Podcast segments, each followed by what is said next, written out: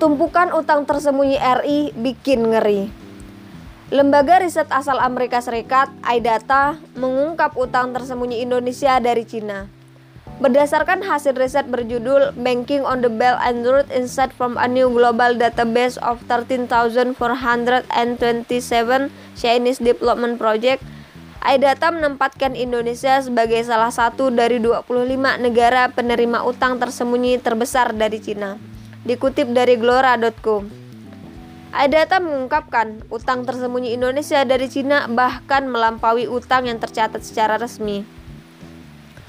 Dr. Julian Sigit MESY mengatakan, besarnya utang tersembunyi Cina dapat merusak eksistensi negara. Apalagi utang telah menjadi strategi paling jitu untuk menguasai suatu negara. Bisa dikatakan sebagai bentuk penjajahan gaya baru.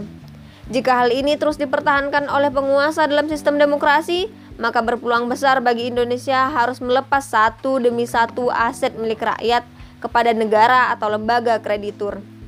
Bukan hanya itu, secara politik tentu peminjam utang dapat mendekte jalannya setiap kebijakan yang diputuskan oleh penguasa. Negara sekuler yang mengadopsi sistem pemerintahan demokrasi akan terus melanggengkan penjajahan lewat berbagai kebijakannya. Salah satu kebijakan dalam ekonomi yakni mengandalkan utang ribawi untuk pembangunan negeri. Membangun negara tanpa utang sebenarnya bisa dilakukan jika negara menerapkan sistem ekonomi Islam dan konsep keuangan negara Baitul Mal.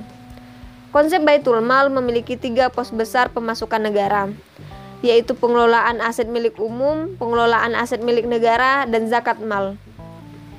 Sejumlah pos tersebut memiliki pemasukan yang besar dan berkelanjutan, tak membebani rakyat dengan pajak tanpa harus berhutang. Oleh karenanya, sudah seharusnya para penguasa negeri Muslim mengambil dan menjalankan sistem ekonomi Islam serta menerapkan konsep Baitul Mal. Semestinya para penguasa negeri Muslim yang gila utang riba mengingat apa yang difirmankan Allah Subhanahu wa Ta'ala. Orang-orang yang memakan riba tidak dapat berdiri, melainkan seperti berdirinya orang yang kemasukan setan karena gila. Yang demikian itu karena mereka berkata bahwa jual beli sama dengan riba. Padahal Allah telah menghalalkan jual beli dan mengharamkan riba.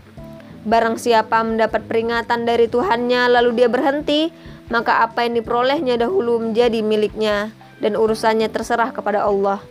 Barang siapa mengulangi, maka mereka itu penghuni neraka. Mereka kekal di dalamnya. Quran Surah Al-Baqarah ayat 275